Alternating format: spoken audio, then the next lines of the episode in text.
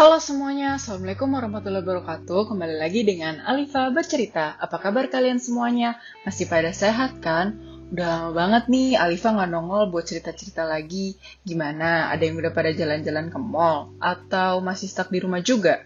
Hmm, sama sih Aku juga masih di rumah aja kok Pokoknya tetap semangat ya semuanya Nah, kali ini Alifa akan kembali bercerita tentang salah satu tokoh bersejarah yang berasal dari negara Palestina.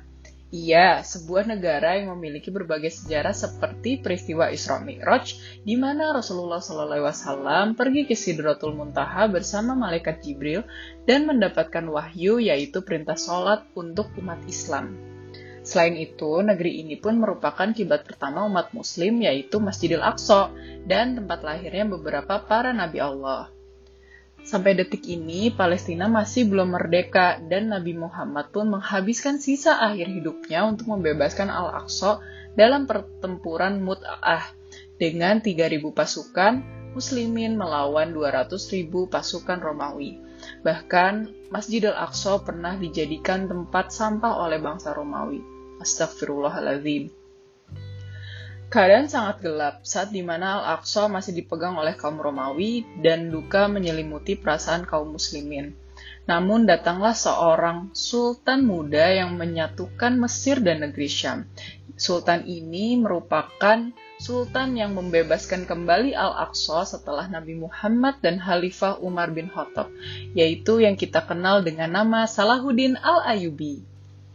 Salahuddin Al-Ayubi memiliki nama lengkap Salah ad-Din Yusuf bin Ayub yang biasa dipanggil Saladin. Beliau lahir pada 532 Hijriah di Tikrit, Irak di tepi barat Tigris antara Mosul dan Baghdad. Nah, Mosul ini adalah kota juga yang pernah disinggahi oleh Salman Al-Farisi.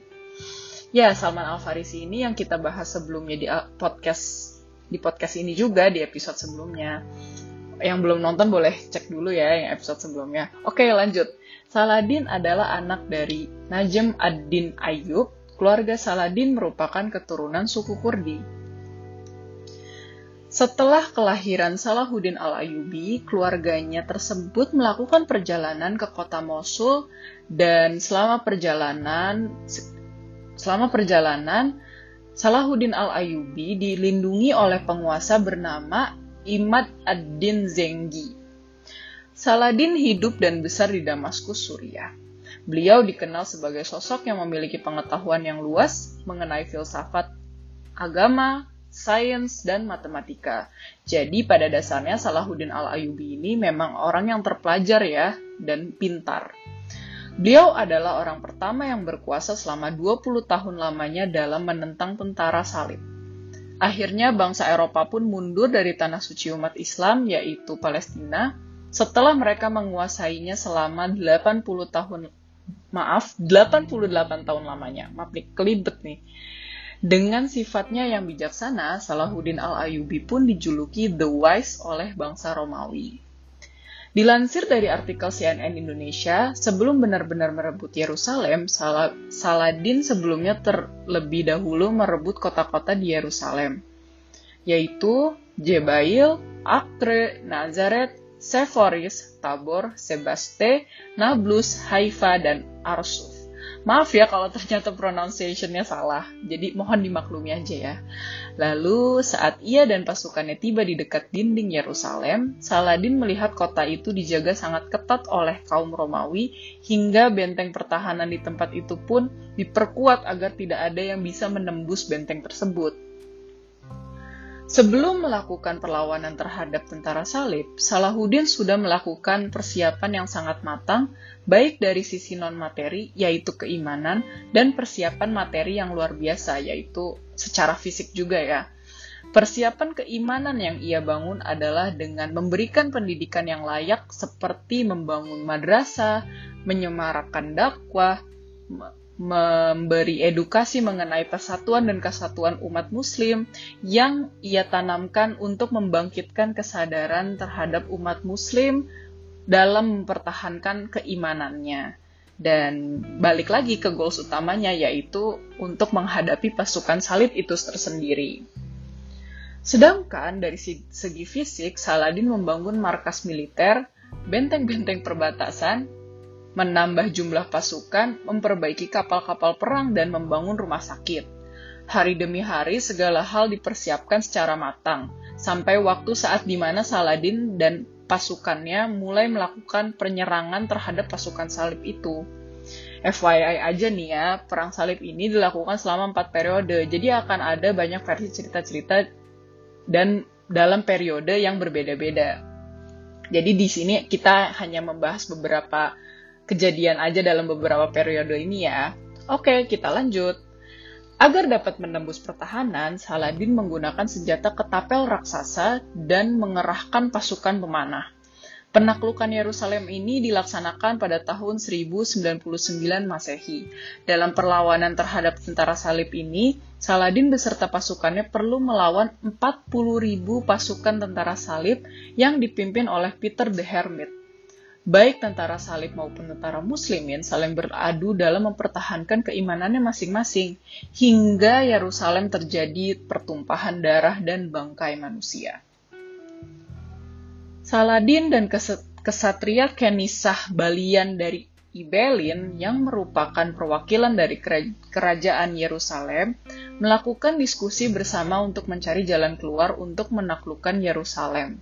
Namun diskusi ini berujung buntu tetapi balian dari perwakilan Yerusalem ini memiliki satu taktik yaitu taktik bumi hangus. Dan Saladin pun setuju dengan taktik ini dengan tujuan untuk menyelamatkan kota yang selama ini ia damba-dambakan. Banyak sekali rintangan yang perlu dihadapi oleh Salahuddin al-Ayubi. Beliau sempat sakit keras yang cukup berat. Namun seorang Salahuddin al-Ayubi Gak mungkin nyerah lah, kagak dikasih kendor.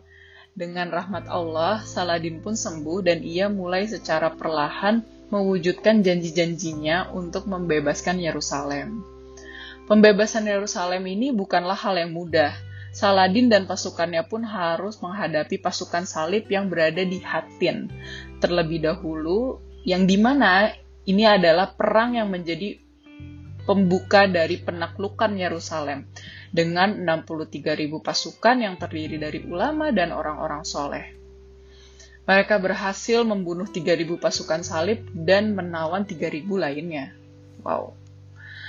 Setelah selesai berperang di Hatin, Saladin dan pasukannya bergerak dan tiba di Al-Quds, Yerusalem.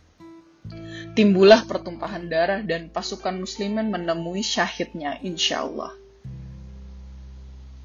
Melihat keadaan seperti ini, pasukan muslimin tetap berjaya dan semangat dalam perang ini. Untuk memancing kemarahan kaum muslimin, pasukan salib menancapkan salib di Kubatus Sahra, yaitu Dome of Rock ya kalau kalian lihat di Masjidil Aqsa ada yang kubahnya emas yaitu Dome of Rock yaitu Kubatus Sahra itu. Salahuddin dan pasukannya bergegas dan menghentikan kegiatan tersebut. Mereka mereka pun berhasil menghentikan dan melawan tentara salib itu untuk uh, menahan mereka untuk melakukan hal tersebut karena ya gak boleh lah gitu. Pasukan salib mulai tercerai-berai, bingung dan meminta berdamai dengan Salahuddin al-Ayubi. Namun Saladin menjawab, aku tidak akan menyisakan seorang pun dari kaum Nasrani, sebagaimana mereka dulu tidak menyisakan seorang pun dari umat Islam, yaitu ketika pasukan salib menaklukkan Yerusalem. Pemimpin pasukan salib mengancam apabila kaum muslimin tidak mau menuruti keinginan kami, maka kami akan membunuh semua tahanan dari kalangan umat Islam yang hampir mencapai 4.000 orang.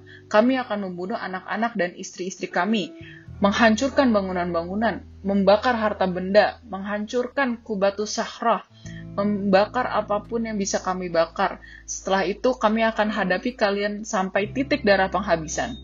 Satu orang dari kami akan membunuh satu orang dari kalian. Kebaikan apa lagi yang bisa kau harapkan? Tutur Balian bin Bazran selaku pemimpin pasukan salib. Saladin pun setuju dan menuruti kehendak pasukan salib dengan syarat setiap laki-laki dari mereka perlu membayar 10 dinar untuk perempuan 5 dinar dan anak-anak 2 dinar. Lalu pasukan salib pun pergi meninggalkan Yerusalem dengan menerima kekalahannya. kaum muslimin berhasil membebaskan kota ini untuk kedua kalinya. Dikarenakan tindakan Salahuddin Al-Ayubi dengan mengurungkan niatnya mendapat respon positif dan dihargai oleh penduduk Kristen di kota itu dan dihormati oleh lawannya. Lalu pada perang salib yang ketiga, lawannya yaitu Raja Richard I atau Richard the Lion sangat menghargai dan menghormati Saladin. Lalu Saladin the Wise memasuki Yerusalem pada hari Jumat 27 Rajab 583 Hijriah atau 2 Oktober 1987 dan memenangkan perang salib untuk kesekian kalinya.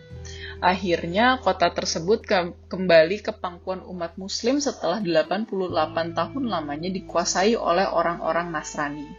Saladin mengeluarkan salib-salib yang terdapat di Masjidil Aqsa, membersihkan dari segala najis dan kotoran dengan mengembalikan kehormatan masjid yang kami cintai bersih kembali.